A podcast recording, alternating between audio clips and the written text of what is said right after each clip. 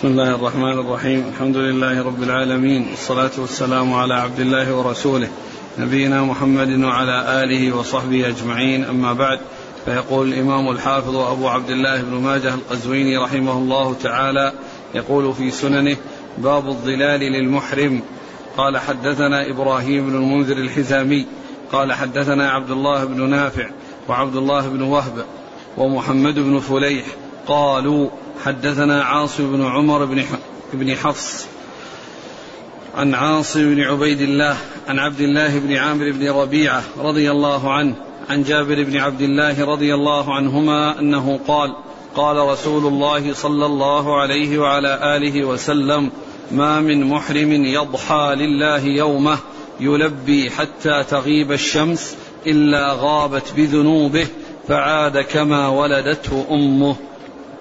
بسم الله الرحمن الرحيم. الحمد لله رب العالمين وصلى الله وسلم وبارك على عبده ورسوله نبينا محمد وعلى آله وأصحابه أجمعين. أما بعد فيقول الإمام ماجد رحمه الله باب في الظلال للمحرم. الظلال آه، هو المراد به الظل والمعنى أن المحرم يجوز له أن يستظل وأن يتخذ ما يقيه من الشمس سواء كان ذلك بظل يعني ثابت كالخيمة أو البيت أو بغير ثابت كالثوب الذي يظلل به على الإنسان أو هذه التي تحمل والتي يقال لها شمسية. يستظل بها الإنسان في شدة الحر فإن ذلك سائغ. وقد جاء في السنة عن رسول الله صلى الله عليه وسلم أن النبي عليه أنه لما لما رمى جمرة العقبة يوم العيد ضحى ظلل عليه بثوب عليه الصلاة والسلام. وكذلك ضربت له قبة في نمرة وجلس فيها حتى زالت الشمس.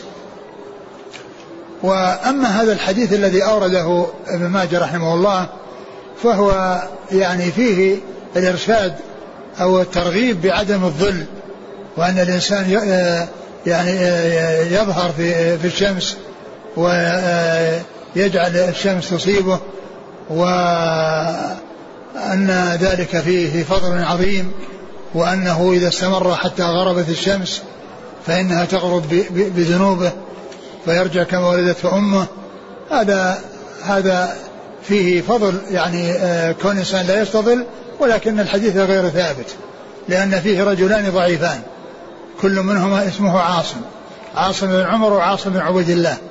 ويروي أحدهما عن الآخر وهما ضعيفان ولا تقوم بروايتهما حجة والحديث غير ثابت وغير صحيح بل الإنسان له أن يستظل كما ثبتت في ذلك السنة عن رسول الله صلى الله عليه وسلم سواء بظل ثابت كظل الخيمة أو بظل غير ثابت كظل الثوب الذي يوضع على عليه في وقت معين أو هذا الذي يسمونه آه، أو تسمى الشمسية وتسمى في بعض البلاد التي يكثر فيها المطر تسمى المطرية لأنها تستعمل للوقاية من المطر وتستعمل للوقاية من الشمس فيقال لها شمسية ويقال لها مطرية. نعم.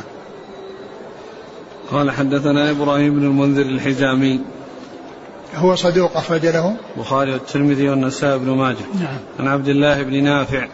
عبد الله بن نافع هو؟ ثقة أخرج البخاري في المفرد ومسلم وأصحاب السنن. نعم. وعبد الله بن وهب. عبد الله بن وهب المصري ثقة أخرج أصحاب الكتب. ومحمد بن فليح. محمد بن فليح هو؟ صدوق يهم أخرج له البخاري والنسائي بن ماجه. نعم. عن عاصم بن عمر بن حفص. وهو ضعيف أخرج له. الترمذي وابن ماجه. نعم. عن عاصم بن عبيد الله. وهو ضعيف أيضا أخرج له. البخاري في خلق أفعال العباد وأبو داود والترمذي والنسائي في عمل يوم والليلة وابن ماجه. نعم. عن عبد الله بن عامر بن ربيعة. آه هذا له رؤية. نعم ولد على عهد النبي نعم. صلى الله عليه وسلم أخرج أصحاب الكتب. عن جابر بن عبد الله. نعم. قال رحمه الله تعالى باب الطيب عند الإحرام.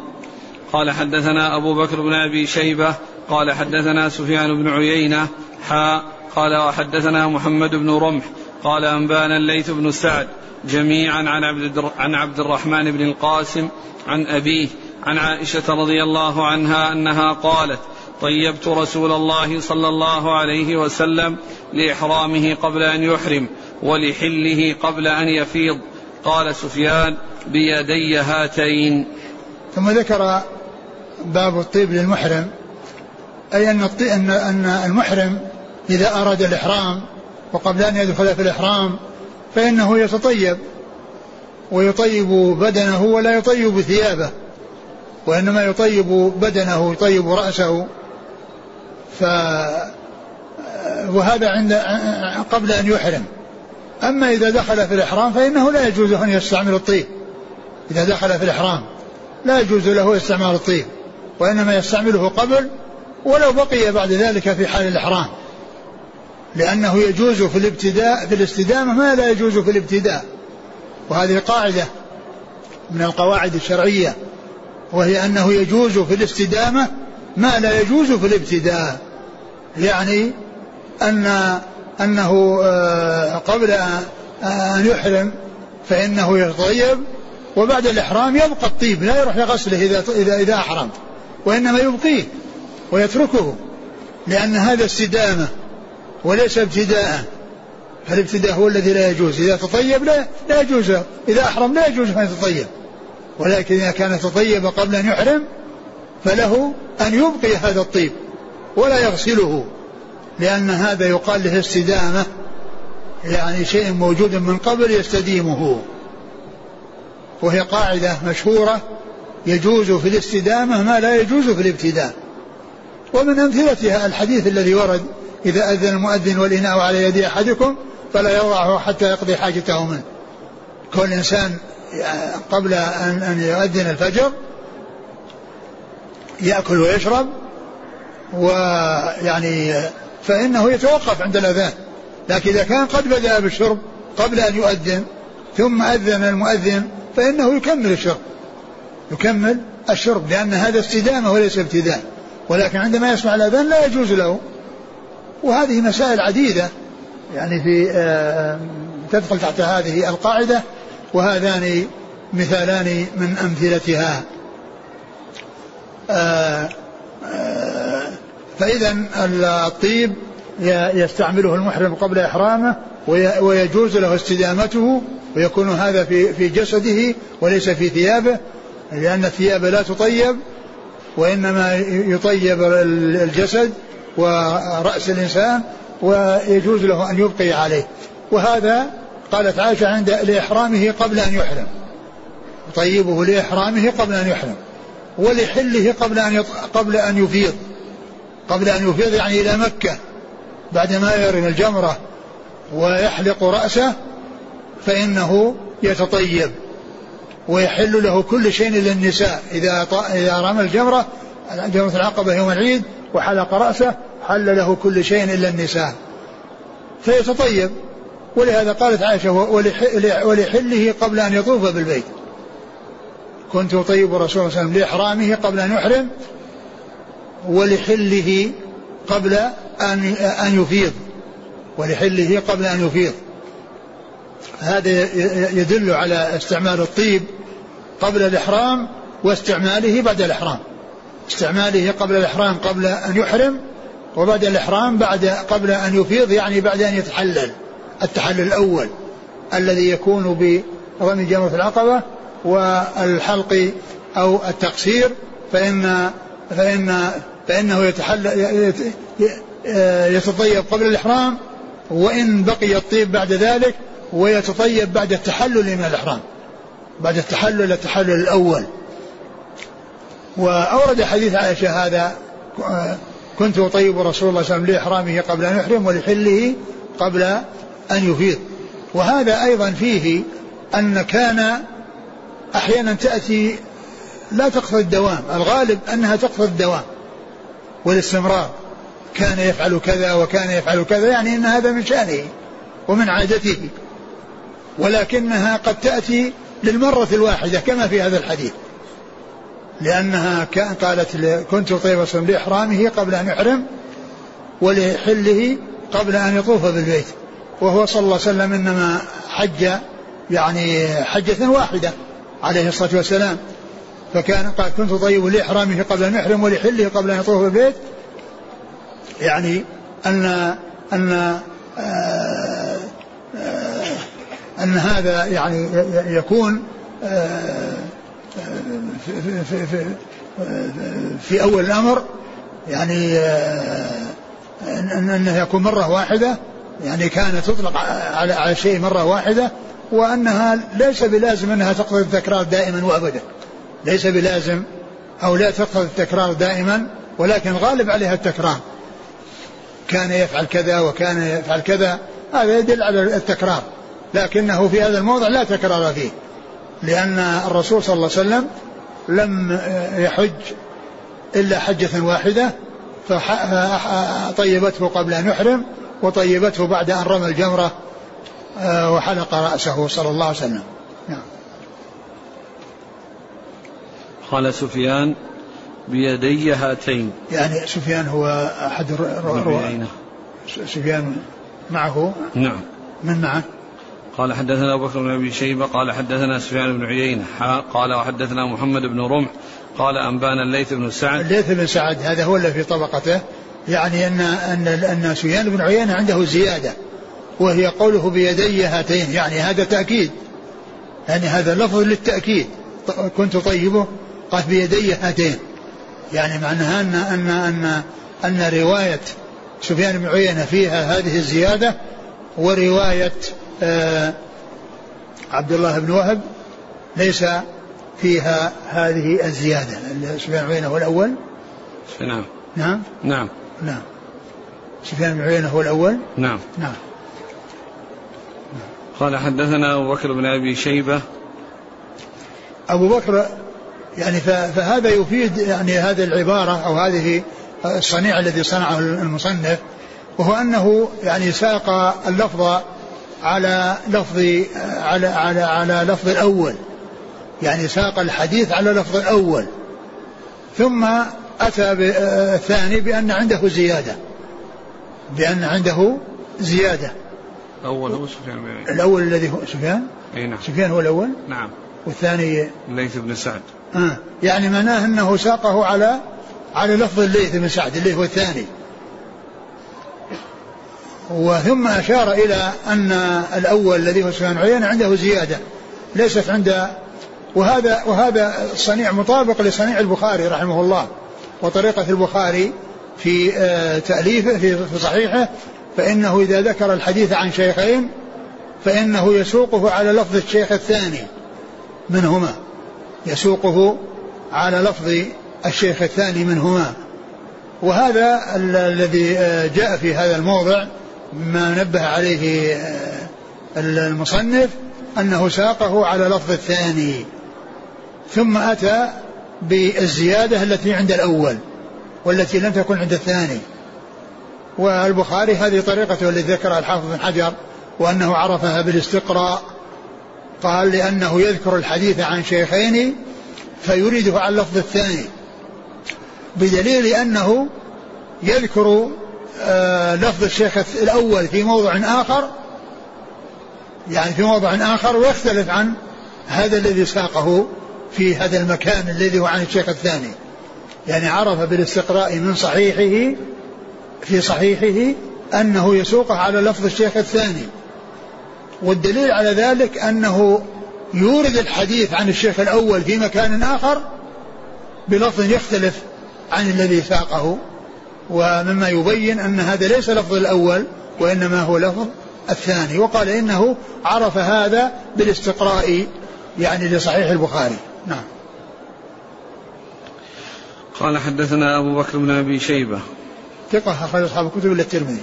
عن سفيان بن عيينة. وأبو بكر بن أبي شيبة هذا قد أكثر عنه مسلم في صحيحه ولم يروي عن شيخ من شيوخه مثل ما روى عن أبي بكر بن أبي شيبة لأنه روى عنه أكثر من 1500 حديث.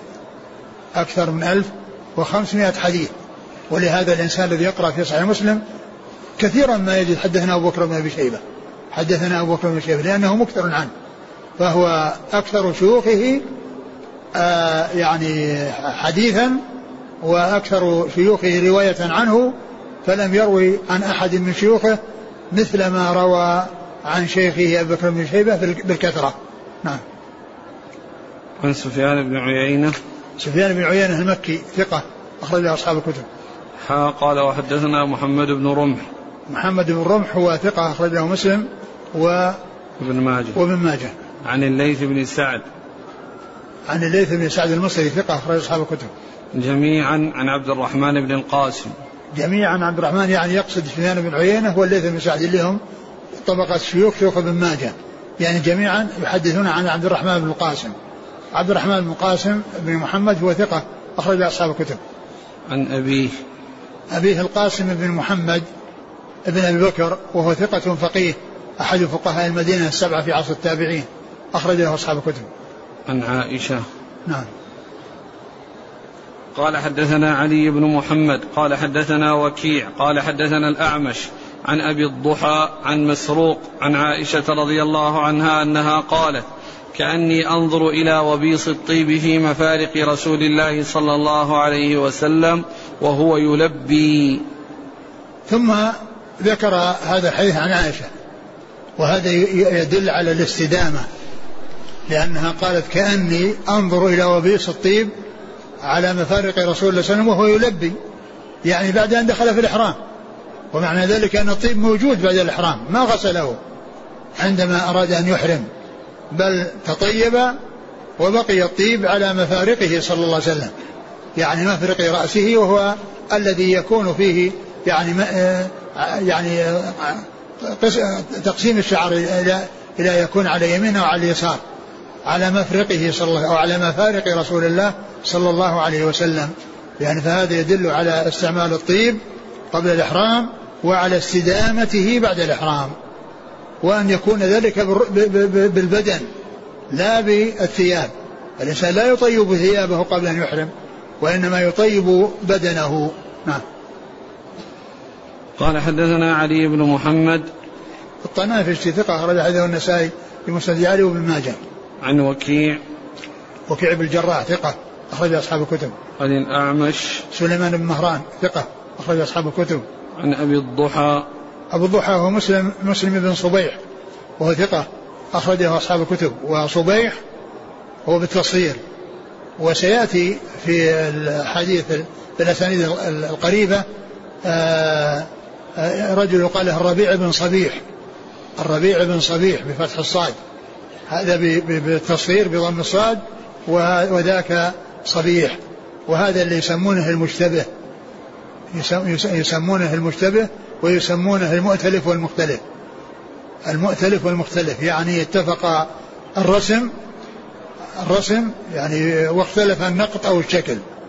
يعني اختلف النقط أو الشكل. وهنا ما اختلف فيه الشكل وأما النقط فهو واحد صبيح وصبيح. وإنما الذي فيه الشكل. يعني هذا أبو الضحى بضم الصاد مصغرا وأما الربيع بن صبيح وهو بفتح الصاد. نعم. إسماعيل بن صبيح. إسماعيل إسماعيل بن صبيح نعم. عن أبي الضحى مسلم بن صبيح ثقة أخرجه أصحاب الكتب. نعم. عن, مسروق بن أجدع ثقة أخرج أصحاب الكتب.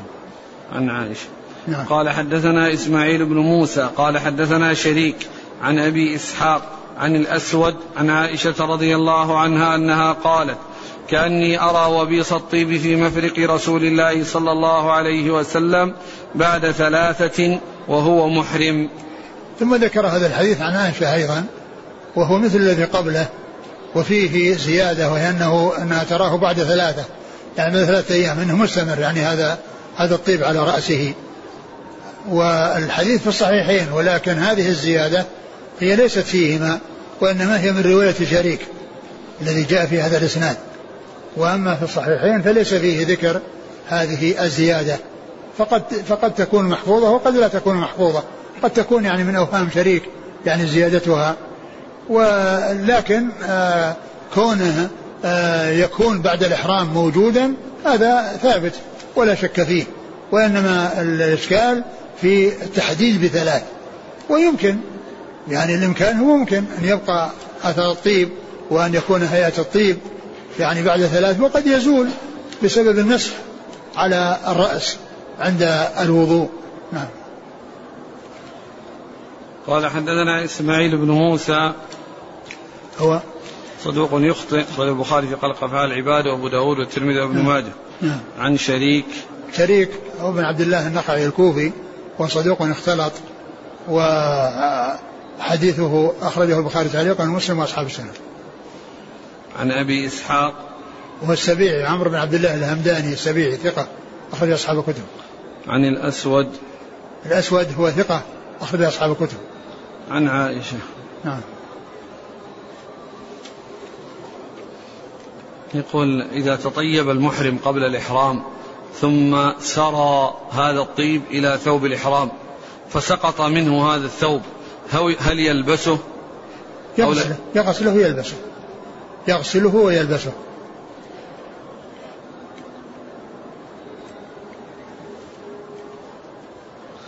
يقول هل يجوز للمحرم شم الطيب؟ ليس له يعني أن يعني آه، يشمه بمعنى أنه يجعله قريبا منه بحيث يعني يستسلطه مثل مثل مثل الطيب البخور يعني ولكنه إذا جاء الطيب عرضا أو طيب المكان أو دخل في مكان فيه طيب مطيب هذا لا يؤثر ولكنه لا يقربه من أنفه أو يستعمل يعني شيء يكون يعني يستعمل الطيب بأن يجذبه أو يعني يجذبه بالنفس. نعم. وهل يجب أو يقربه منه بحيث يعني يجعله عنده أو يقربه يجعله عند أنفه. نعم. وهل يجوز شرب الشاي أو القهوة إذا كان فيها طعم الزعفران أو النعناع؟ والله الزعفران هو طيب لكن كل إنسان يعني يترك ذلك لا لا يستعمل لا يستعمل الزعفران. ما جاء في هذه الأحاديث وما جاء عند النساء أن الطيب كان في رأسه ولحيته صلى الله عليه وسلم. هل يفهم منه أن الطيب يكون في الرأس واللحية فقط ولا يكون على بقية الجسد كالطيب تحت الإبط؟ نعم لا شك لأن لأن هذا عرضة لأنه يعلق بالثياب. يعني يكون يصير على رأسه وعلى شيء يعني ما يعني يمسه الثوب. يعني هذا هو, هو وهو المطلوب يعني يكون الإنسان يعني عند أنفه وقريب من أنفه لكن كونه يصير في في في, في جسده ثم يأتي عليه الإحرام فيعلق به لا لا لا يفعل ذلك. قال رحمه الله تعالى باب ما يلبس المحرم من الثياب قال حدثنا أبو مصعب قال حدثنا مالك بن أنس عن نافع عن عبد الله بن عمر رضي الله عنهما أن رجلا سأل النبي صلى الله عليه وسلم ما يلبس المحرم من الثياب؟ فقال رسول الله صلى الله عليه وسلم لا يلبس القمص ولا العمائم ولا السراويلات ولا البرانس ولا الخفاف إلا أن لا يجد نعلين فليلبس خفين وليقطعهما أسفل من الكعبين. ولا يلبس من الثياب شيئا مسه الزعفران أو الورس ثم ذكر باب ما يلبس المحرم من الثياب. باب ما يلبس المحرم من الثياب. ف آه، رجل سأل النبي صلى الله عليه وسلم عما يلبس المحرم من الثياب. من الذي سأل؟ قال سأل رجل؟ نعم. نعم. سأل رجل النبي صلى الله عليه وسلم عما يلبس من الثياب فأجابه بما لا يلبس. لأن ما يلبس يعني كثير ومتنوع وما لا يلبس محصور.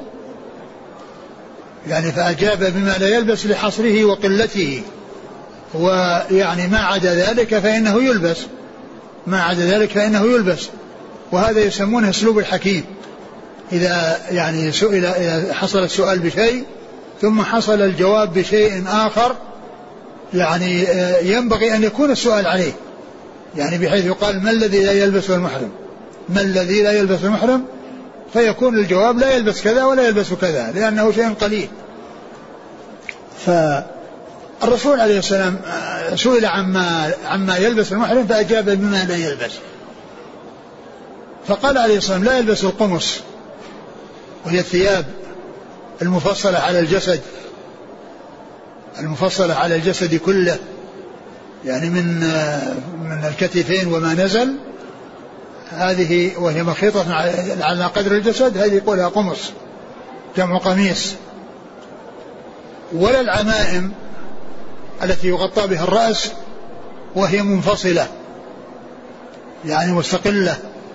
ولا البرانس التي يغطى بها الرأس وهي متصلة بالثوب أو متصلة بغيرها. فإنه لا يغطى الرأس بأي شيء لا متصل بالرأس ولا منفصل عنه يعني ولكنه آه، متعلق بالثياب أو متعلق برداء أو ما إلى ذلك يعني سواء كان العمامة مستقلة أو برنس الذي هو متصل بغيره ثوب يعني متصل بثوب. أما يعني آآ آآ أما كون أن التغطية بغير ملاصق يعني كالشمسية التي يتخذها الإنسان وتكون فوق رأسه غير ملاصقة هذه لا بأس به وإنما المحذور هو الملاصق. هذا الملاصق سواء كان مستقلا كالعمامة أو منفصلا أو متصلا كالبرنس. ولهذا قال عليه الصلاة والسلام لا يلبس القمص ولا العمائم ولا البرانس السراويلات. ولا السراويلات ولا البرانس. السراويلات ما يعني يستر أسفل الإنسان ونصف الإنسان الأسفل. وكذلك يعني مثل الفنايل التي آه، تغطي آه، يعني نصفه الأعلى مما دون رأسه. فإن ما ما يخاط على الجسد كله كالقمص أو على بعضه الأسفل كالسراويلات أو الفنايل التي في أعلاه فإن كل ذلك يمنع منه المحرم. كل ذلك يمنع منه المحرم. فلا يستعمل القمص ولا العمائم اللي هي متصل المستقلة بالرأس بغطاء الرأس وغير متصلة بشيء من من من ثيابه أو متصلة بشيء من الثياب التي هي البرانس. وكذلك السراويل والخفاف. الخفاف يعني الخفان. وهذا فيما إذا كان إذا كان دون الكعبين فهما مثل النعلين. إذا كان دون الكعبين أي الخفان دون الكعبين فهما مثل النعلين. حكمها حكم النعلين. وإن كانت تغطي الكعبين فهذا فيه خلاف بين أهل العلم. منهم من قال إنه يقطعهما حتى يكون أسفل من الكعبين لهذا الحديث. الذي قاله النبي صلى الله عليه وسلم وهو في المدينة قبل أن يذهب إلى الحج. فإنه حدث بهذا الحديث. وأخبر بأن من لم يجد إزارا يلبس السراويل ومن لم يجد خفين فإنه يلبس الخف لم يجد نعلين يلبس الخفين ويقطعهما حتى يكون أسفل من الكعبين. وهذا قال به جمهور أهل العلم. يعني لهذا الحديث. والقول الثاني أن أن من لم يجد نعلين يلبس الخفين من غير قطع كما أنه يلبس السراويل من غير فتق كون يفتقهما وإنما يلقيهما على هيئتهما كذلك يلبس الخفين من غير قطع لأن النبي صلى الله عليه وسلم خطب الناس بعرفة. خطب الناس بعرفة وقال يعني في حديث ابن عباس من لم يجد عليهم فليلبس فليلبس فليلبس الخفين ومن لم يجد إزارا فليلبس سراويل ولم يذكر القطع. وهذا حدث به الناس الذين جاءوا من الآفاق ثم إنهم تفرقوا في الآفاق. فلو كان ذلك لازما لبينه النبي صلى الله عليه وسلم لبينه النبي صلى الله عليه وسلم للناس في عرفة. فدل هذا على أن هذا المتأخر ناسخ للمتقدم. ناسخ أنه يكون ناسخا للمتقدم. وذلك أن الذين سمعوه وهم الحجاج الذين جاءوا من الآفاق ثم تفرقوا أخذوا هذا ولا يعرفون شيئا عن القطع. لا يعرفون عن شيئا عن القطع المتقدم الذي قاله النبي صلى الله عليه وسلم وهو في المدينة. فقالوا إن هذا ناسخ لهذا. ولا شك أن هذا القول هو الأولى لأن الحجاج الذين حجوا مع النبي صلى الله عليه وسلم وتلقوه ورجعوا إلى بلادهم. يعني لا يعرفون إلا, إلا هو. دل هذا على أن, أن هذا هو المشروع وأن هذا هو آخر الأمرين من رسول الله صلى الله عليه وسلم. آه ولا الخفاف إلا أن لا يجد نعلين فليلبس خفين وليقطعهما أسفل من الكعبين.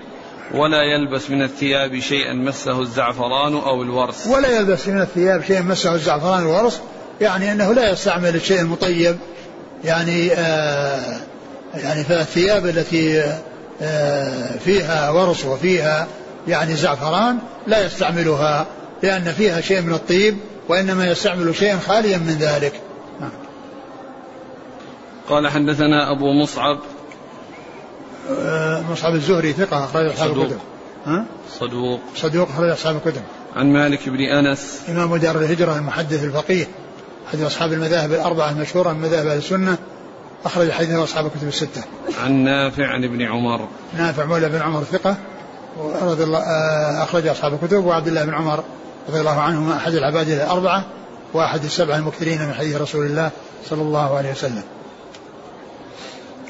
قال حدثنا أبو مصعب قال حدثنا مالك بن أنس عن عبد الله بن دينار عن عبد الله بن عمر رضي الله عنهما أنه قال نهى رسول الله صلى الله عليه وسلم أن يلبس المحرم ثوبا مصبوغا بورس أو زعفران.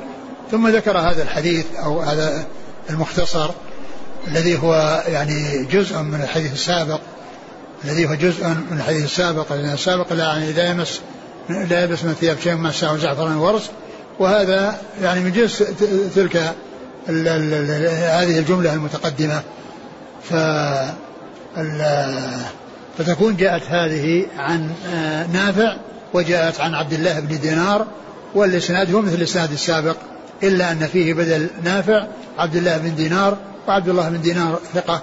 وكل من الإسنادين من الرباعيات.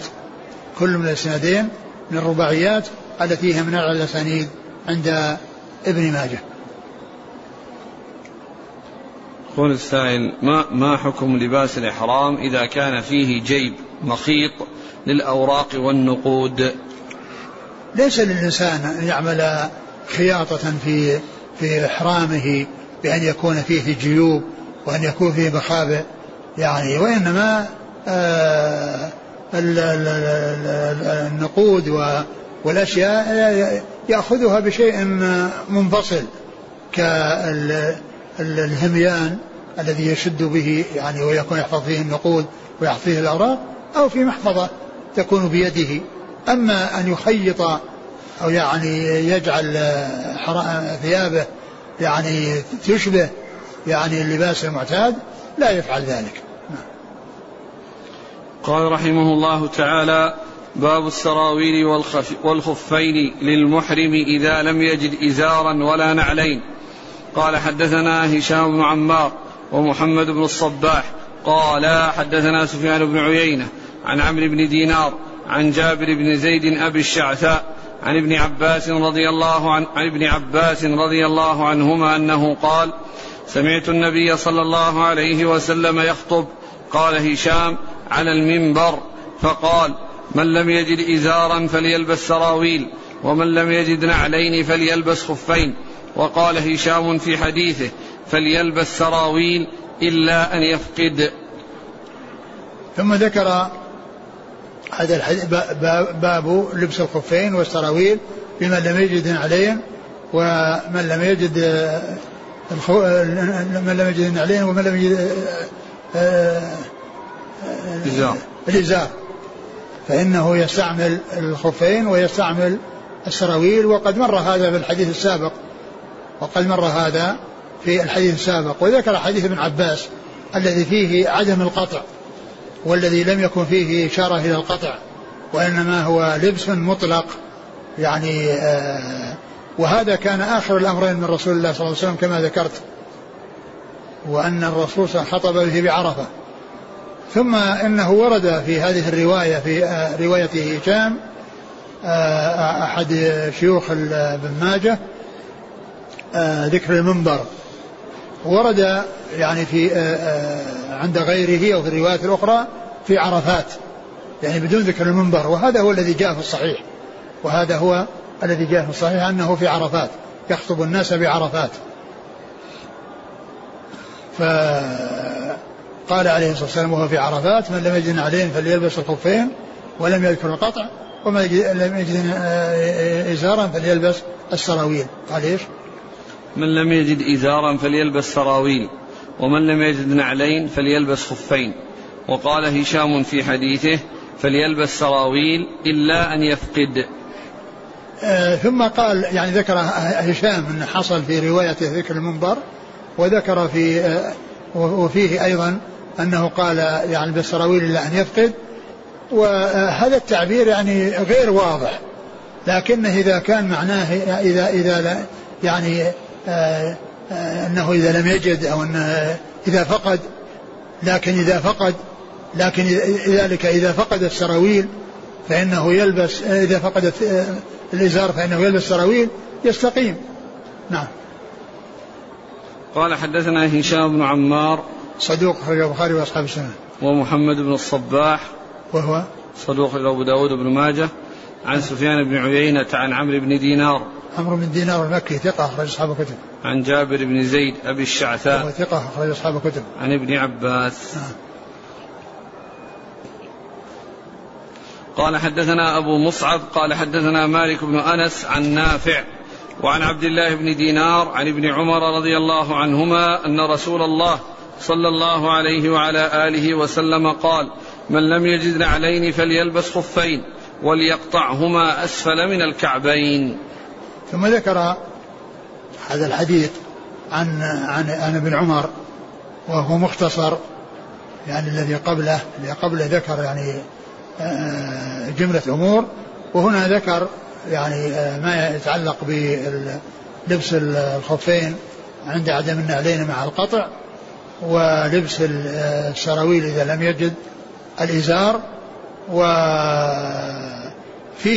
آه، أن الذي روى عن ابن عمر ذلك كل من عبد الله بن دينار ونافع. نعم. يقول السائل هل يفهم أن الخف الذي تحت الكعبين يجوز لبسه ولو مع وجود النعلين؟ نعم. لأنه بمعنى النعل لأن ما يقال أنه لبس خف لبس نعل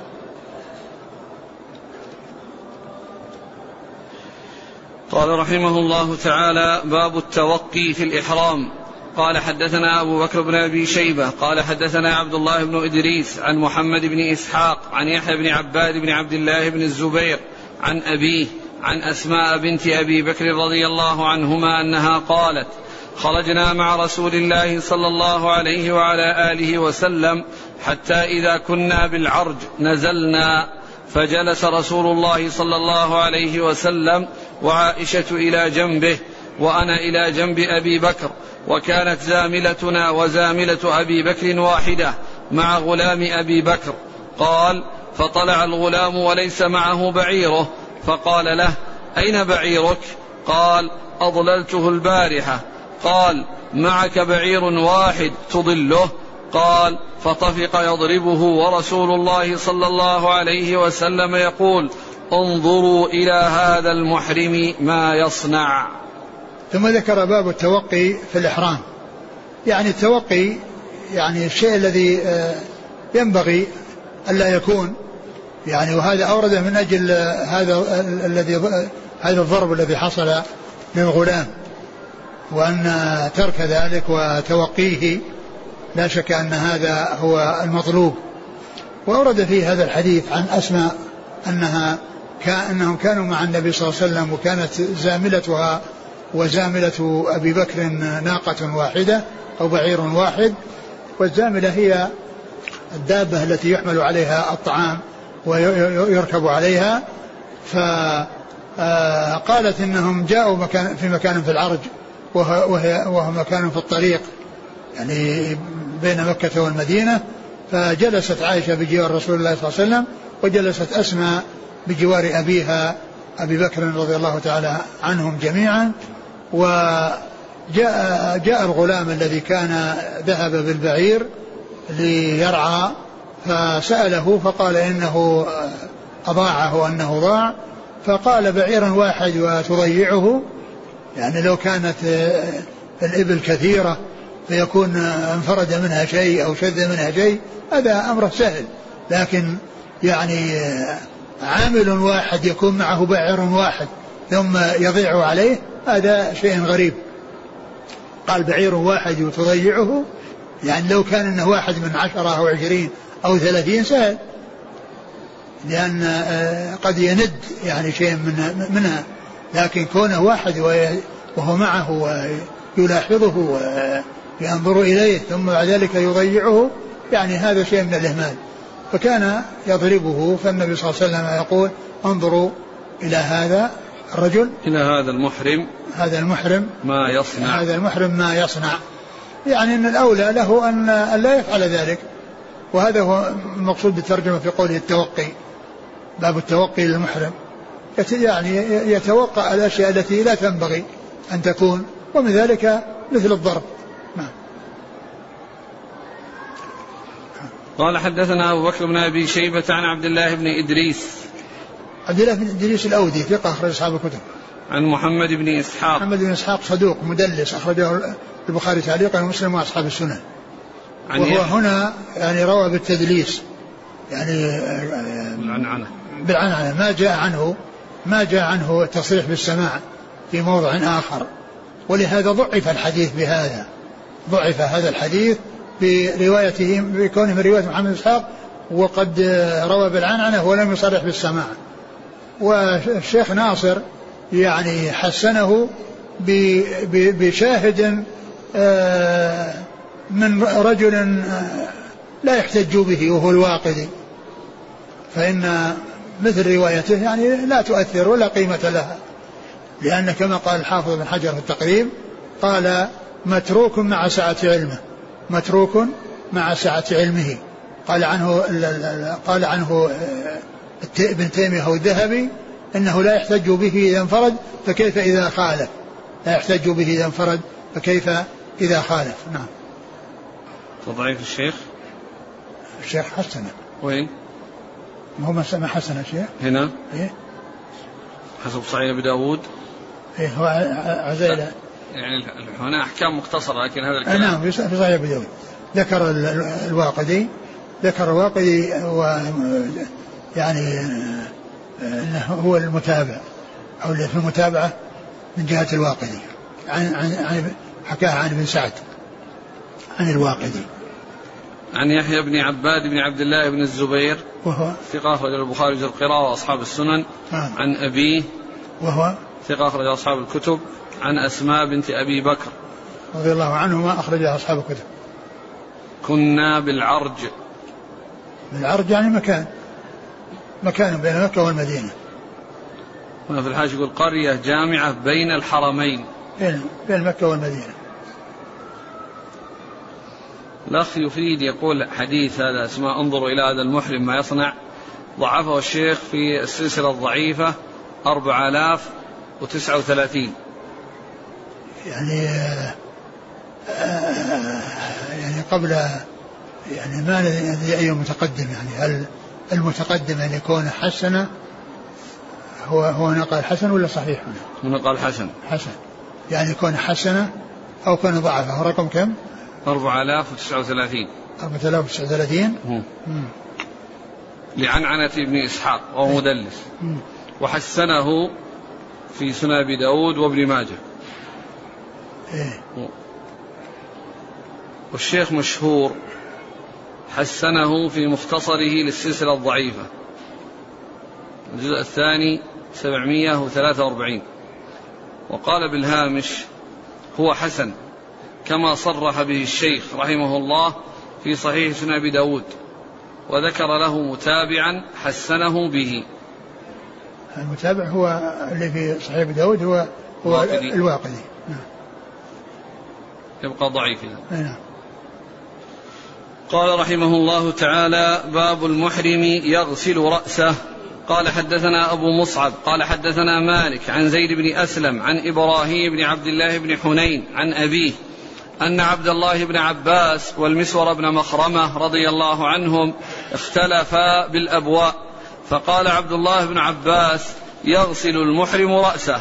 وقال المسور لا يغسل المحرم رأسه. فأرسلني ابن عباس إلى أبي أيوب الأنصاري رضي الله عنه أسأله عن ذلك.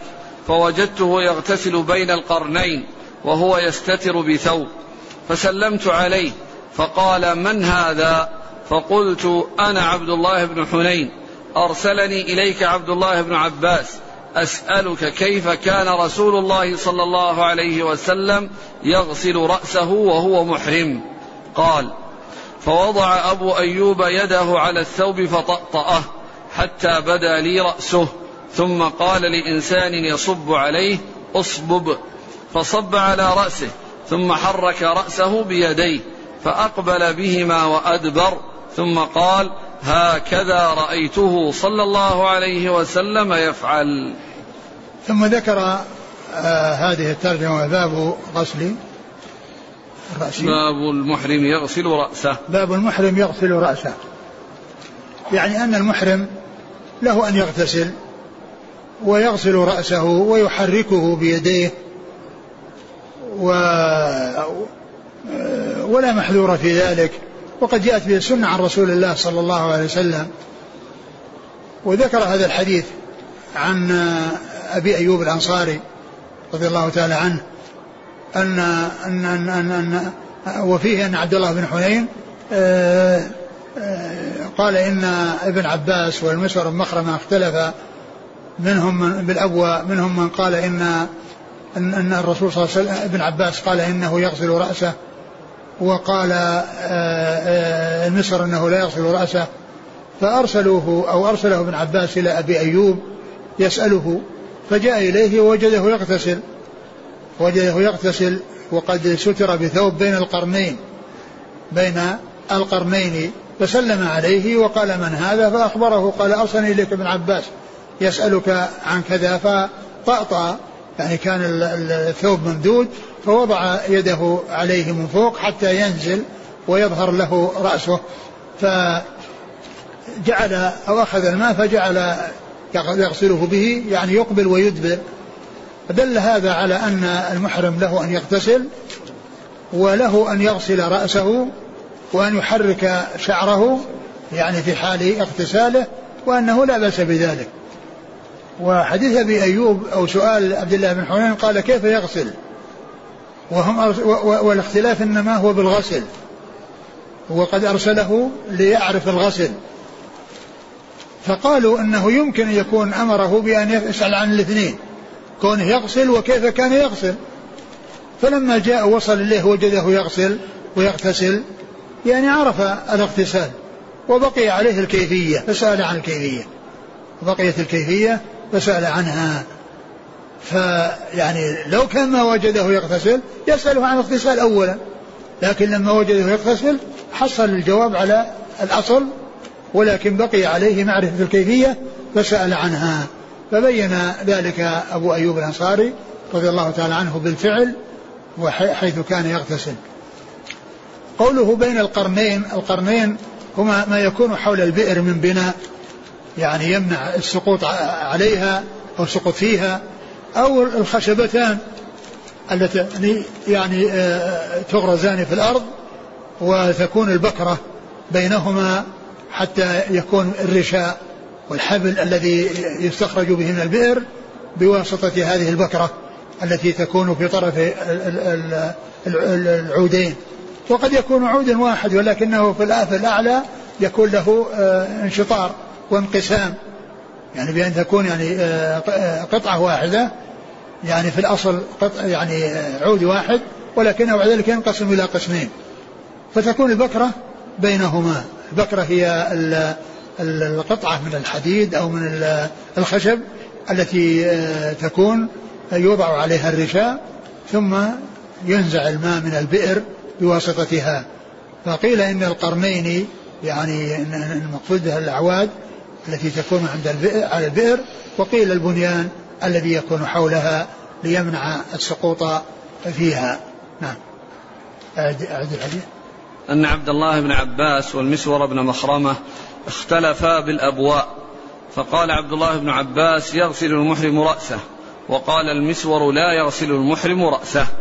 فأرسلني ابن عباس إلى أبي أيوب الأنصاري أسأله عن ذلك فوجدته يغتسل بين القرنين وهو يستتر بثوب فسلمت عليه فقال من هذا؟ فقلت أنا عبد الله بن حنين أرسلني إليك عبد الله بن عباس أسألك كيف كان رسول الله صلى الله عليه وسلم يغسل رأسه وهو محرم. قال فوضع أبو أيوب يده على الثوب فطأطأه ثم بدا لي راسه ثم قال لإنسان يصب عليه اصبب.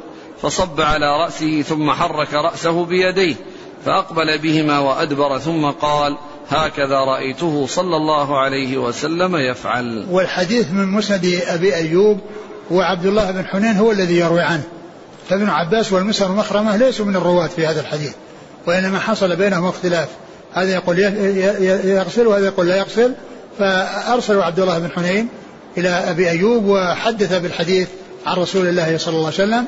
فإذا الحديث من رواية عبد الله بن حنين عن أبي أيوب وليس عن عن عن عن ابن عباس وإنما هو عن أبي أيوب لأنه هو الذي حدث بالحديث عن رسول الله صلى الله عليه وسلم وبين الكيفية وبين الكيفية التي كان آه، يفعلها رسول الله صلوات الله وسلامه وبركاته عليه. وهو يدل أيضا على جواز آه، مخاطبة من يغتسل لأن آه، الاغتسال غير كون يقضي الحاجة. الذي يقضي الحاجة يعني لا يحدث ولا يحدث إلا لضرورة إذا كان أنه يعني في مكان الخلاء. وأما إذا كان في مكان اغتسال فإن له أن أن يحدث وأن يحدث وأن يسلم عليه ويرد السلام.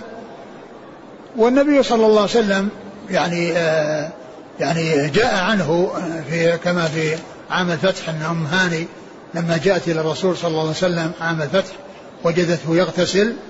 وسلمت عليه فقال لها من أنت؟ قالت أم هاني. قال مرحبا بأم هاني. ثم بعد ذلك سألت أو أخبرته بالذي جرى من أخيها وأنه وأنه يريد أن يعني شخصا أمنته أنه يعني لا يعتبر تأمين أمانها.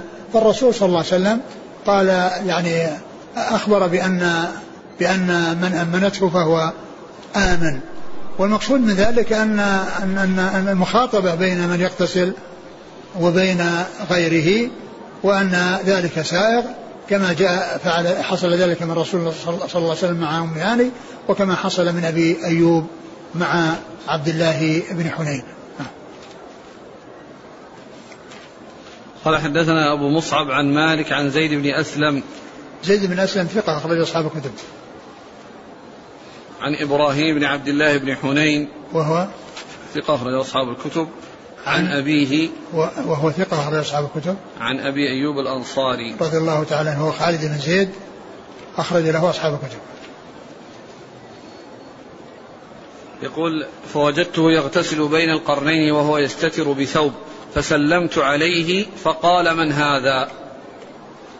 يقول الأخ فسلمت عليه فقال من هذا؟ لم يرد السلام لأنه يغتسل يعني هذا كما هو معلوم يعني آه يعني ما في رد السلام ولكنه آه يعني الأصل أنه يرد السلام. ولو كان السلام لا يرد لبين له لكنه لأن كلمه وخاطبه يعني بما جاء عن رسول الله عليه الصلاة والسلام وكونه يسلم ويسلم عليه لا بأس. حتى ولو كان ما دام أنه لا يقضي الحاجة فإنه ما دام أنه يغتسل فقط فإنه يسلم ويسلم يسلم عليه ويرد السلام. وكونه ما ذكر رد السلام هنا لا يدل على أنه لا يجوز رد السلام لأن حصول آه، السلام يعني يقتضي ردا وإلا فإنه يبين أن ذلك لا يجوز. ما سبب تخصيص ابن عباس الإرسال فقط إلى أبي أيوب الأنصاري؟ يمكن أنها يعني آه، علم أو آه، يعني أن عنده علم أو آه، ظن أنه عنده علم عن رسول الله صلى الله عليه وسلم. قال رحمه الله تعالى باب باب المحرمة تسدل الثوب على وجهها. قال حدثنا أبو بكر بن أبي شيبة قال حدثنا محمد بن فضيل عن يزيد بن أبي زياد عن مجاهد عن عائشة رضي الله عنها أنها قالت كنا مع النبي صلى الله عليه وسلم ونحن محرمون فإذا لقينا الركب أسدلنا ثيابنا من فوق رؤوسنا. عن عائشة رضي الله عنها قالت كنا مع النبي صلى الله عليه وسلم ونحن محرمون فإذا لقينا الركب أسدلنا ثيابنا من فوق رؤوسنا فإذا جاوزنا رفعناها. قال حدثنا علي بن محمد قال حدثنا عبد الله بن إدريس عن يزيد بن أبي زياد عن مجاهد عن عائشة عن النبي صلى الله عليه وسلم بنحوه. ثم ذكر باب المحرمة تسدل ثوب على وجهها. باب المحرمة تسدل الثوب على وجهها. باب المحرمة تسدل الثوب على وجهها يعني من رأسها تنزله من رأسها على وجهها وهذا فيما يتعلق بالخمار. وأما ما يتعلق بكونها تغطيه بالنقاب وبرقع فإن ذلك لا يجوز لأن المرأة لا تستعمل الشيء الذي خيط على الوجه خيط على قدر الوجه آه، في حال إحرامها. لا تستعمله في حال إحرامها. ولكنها عندما يعني يكون هناك رجال أجانب فإنها تغطيه بالخمار. بحيث تنزله من على رأسها ومن غير أن يكون هناك شيء يبعده عن وجهها. فإنه لا بأس أن يلاصق وجهها الذي لأنه غير مخيط وإنما الذي منعت منه هو المخيط حيث جاء لا تنتقب المرأة ولا تلبس القفازين.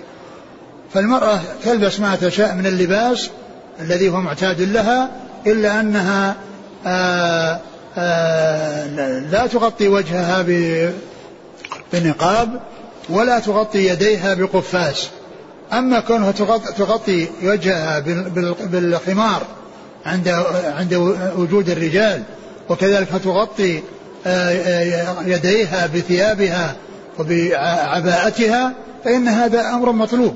وإنما الذي منع منه ما خيط على الوجه وعلى قدر اليدين هذا هو الذي منعت منه المرأة. أما كونها تغطي آه، وجهها بخمار عند الحاجة أو تغطي يديها بثوبها وليس بالشيء الذي قد خيط على قدر الوجه أو على قدر اليدين هذا لا بأس به. وإنما الممنوع ما كان خيط على قدر وجهه وعلى قدر اليدين وهما النقاب والقفازان. وأورد هذا الحديث عن عائشة وأنهم وأنهن كن يكن مع النبي صلى الله عليه وسلم وهم محرمون فإذا فكانت الواحدة قد كشفت وجهها فإذا حاذاها الركبان سدلت إحداهن خمارها على وجهها فإذا جاوزوها جاوزوهن فإنها ترفع الخمار عن وجهها. والحديث في إسناده يزيد بن, يزيد بن أبي يزيد وضعيف لكنه ثبت وصح عن أختها أسماء رضي الله تعالى عنها كما جاء في الموطأ. نعم. قال حدثنا أبو بكر بن أبي شيبة عن محمد بن فضيل. محمد بن فضيل بن غزوان صدوق أخرجه أصحاب الكتب. عن يزيد بن أبي زياد. وهو ضعيف أخرج له. قال التعليق قال مسلم وأصحاب السنن. نعم. عن مجاهد عن عكرمة أو عن مجاهد عن عائشة. مجاهد بن جبر ثقة أخرج أصحاب الكتب. قال حدثنا علي بن محمد عن عبد الله بن إدريس. نعم. هو الأودي مرة. عن يزيد بن زياد بن أبي زياد عن مجاهد عن عائشة نحوه. قال رحمه الله تعالى باب الشرط في الحج. قال حدثنا محمد بن عبد الله بن نمير. قال حدثنا أبي حا قال وحدثنا أبو بكر بن أبي شيبة. قال حدثنا عبد الله بن نمير. قال حدثنا عثمان بن حكيم. عن أبي بكر بن عبد الله بن الزبير. عن جدته قال لا أدري أسماء بنت أبي بكر أو سعدى بنت عوف. أن رسول الله صلى الله عليه وسلم دخل على ضباعة بنت عبد المطلب فقال ما يمنعك يا عمتاه من الحج؟ فقالت أنا امرأة سقيمة وأنا أخاف الحبس. قال فأحرمي واشترطي أن محلك حيث حبست. ثم ذكر باب الاشتراط في الحج. والاشتراط في الحج هو أن يقول المحرم عند إحرامه لبيك كذا فإن حبسني حابس فمحلي حيث حبستني.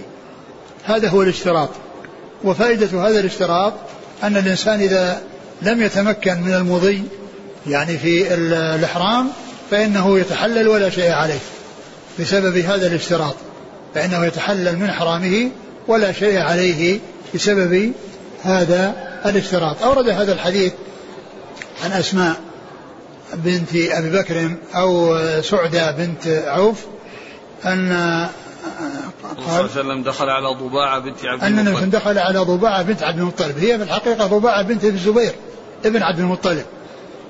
هي ابنة عمه وليست عمته. هي ابنة عمه لأنها ابن ابنة الزبير والزبير هو أخو عبد الله. والد الرسول صلى الله عليه وسلم محمد بن عبد الله بن عبد المطلب وهي ضباعة بنت الزبير بن عبد المطلب. فيعني هنا نسبت إلى إلى إلى إلى جدها. نسبت إلى جدها وحذف آه، ذكر أبيها الذي هو الزبير. قوله يا عمتاه يعني هذا آه يعني معلوم أنها ليست عمة في الحقيقة وإنما هي ابنة عم. ولكن قد يكون يا عمتاه يعني كما يقول الرجل لمن هو أكبر منه آه أو يا عم وكما يقول الرجل الكبير لمن هو دونه يا بني وإن لم يكن عما له وإن لم يكن ابنا له. فيقول الرجل للرجل الأجنبي يا بني ويقول الرجل أيضا للرجل الذي هو أجنبي وليس من عمه فيقول له يا عم كما جاء بذلك أحاديث عن, عن الصحابة. ومنها الحديث الذي فيه أن عبد الرحمن بن عوف في غزوة بدر لما صفوا اصطفوا للقتال في سبيل الله كان عن يمينه شاب وعن يساره شاب وهما ابن العفراء فسأله أحدهما يعني كلمني الذي على يميني فقال يا عم أتعرف أبا, أبا, أبا جهل؟ يا عم أتعرف أبا جهل؟ يعني هؤلاء من الأنصار وعبد الرحمن من المهاجرين. وإنما هي يعني من الأدب في الخطاب يعني يكون الصغير يخاطب من هو أكبر منه بأن يقول يا عم. كما أن من الأدب أو من من المعاملة الطيبة ومن الحنان والرفق أن يقول الرجل الذي هو دونه يا بني. قالت إيش؟ ما يمنعك يا عمتاه من الحج؟ نعم. فقالت أنا امرأة سقيمة وأنا أخاف الحبس. قال يعني سقيمة يعني مريضة. تخاف الحبس يعني بسبب المرض الذي لا يمكنها من أداء يعني النسك فقال فقال فأحرمي واشترطي أن محلك حيث حبست نعم قال حدثنا محمد بن عبد الله بن نمير ثقة أخرج أصحاب الكتب. عن أبيه. وهو ثقة أخرج أصحاب الكتب. قال حدثنا أبو بكر بن أبي شيبة عن عبد الله بن نمير عن عثمان بن حكيم. هو ثقة أخرج البخاري تعليقا ومسلم وأصحاب السنن. نعم. عن أبي بكر بن عبد الله بن الزبير. وهذا يعني مستور. رجل ابن ماجه. نعم. عن جدته قال لا أدري أسماء أو سعداء.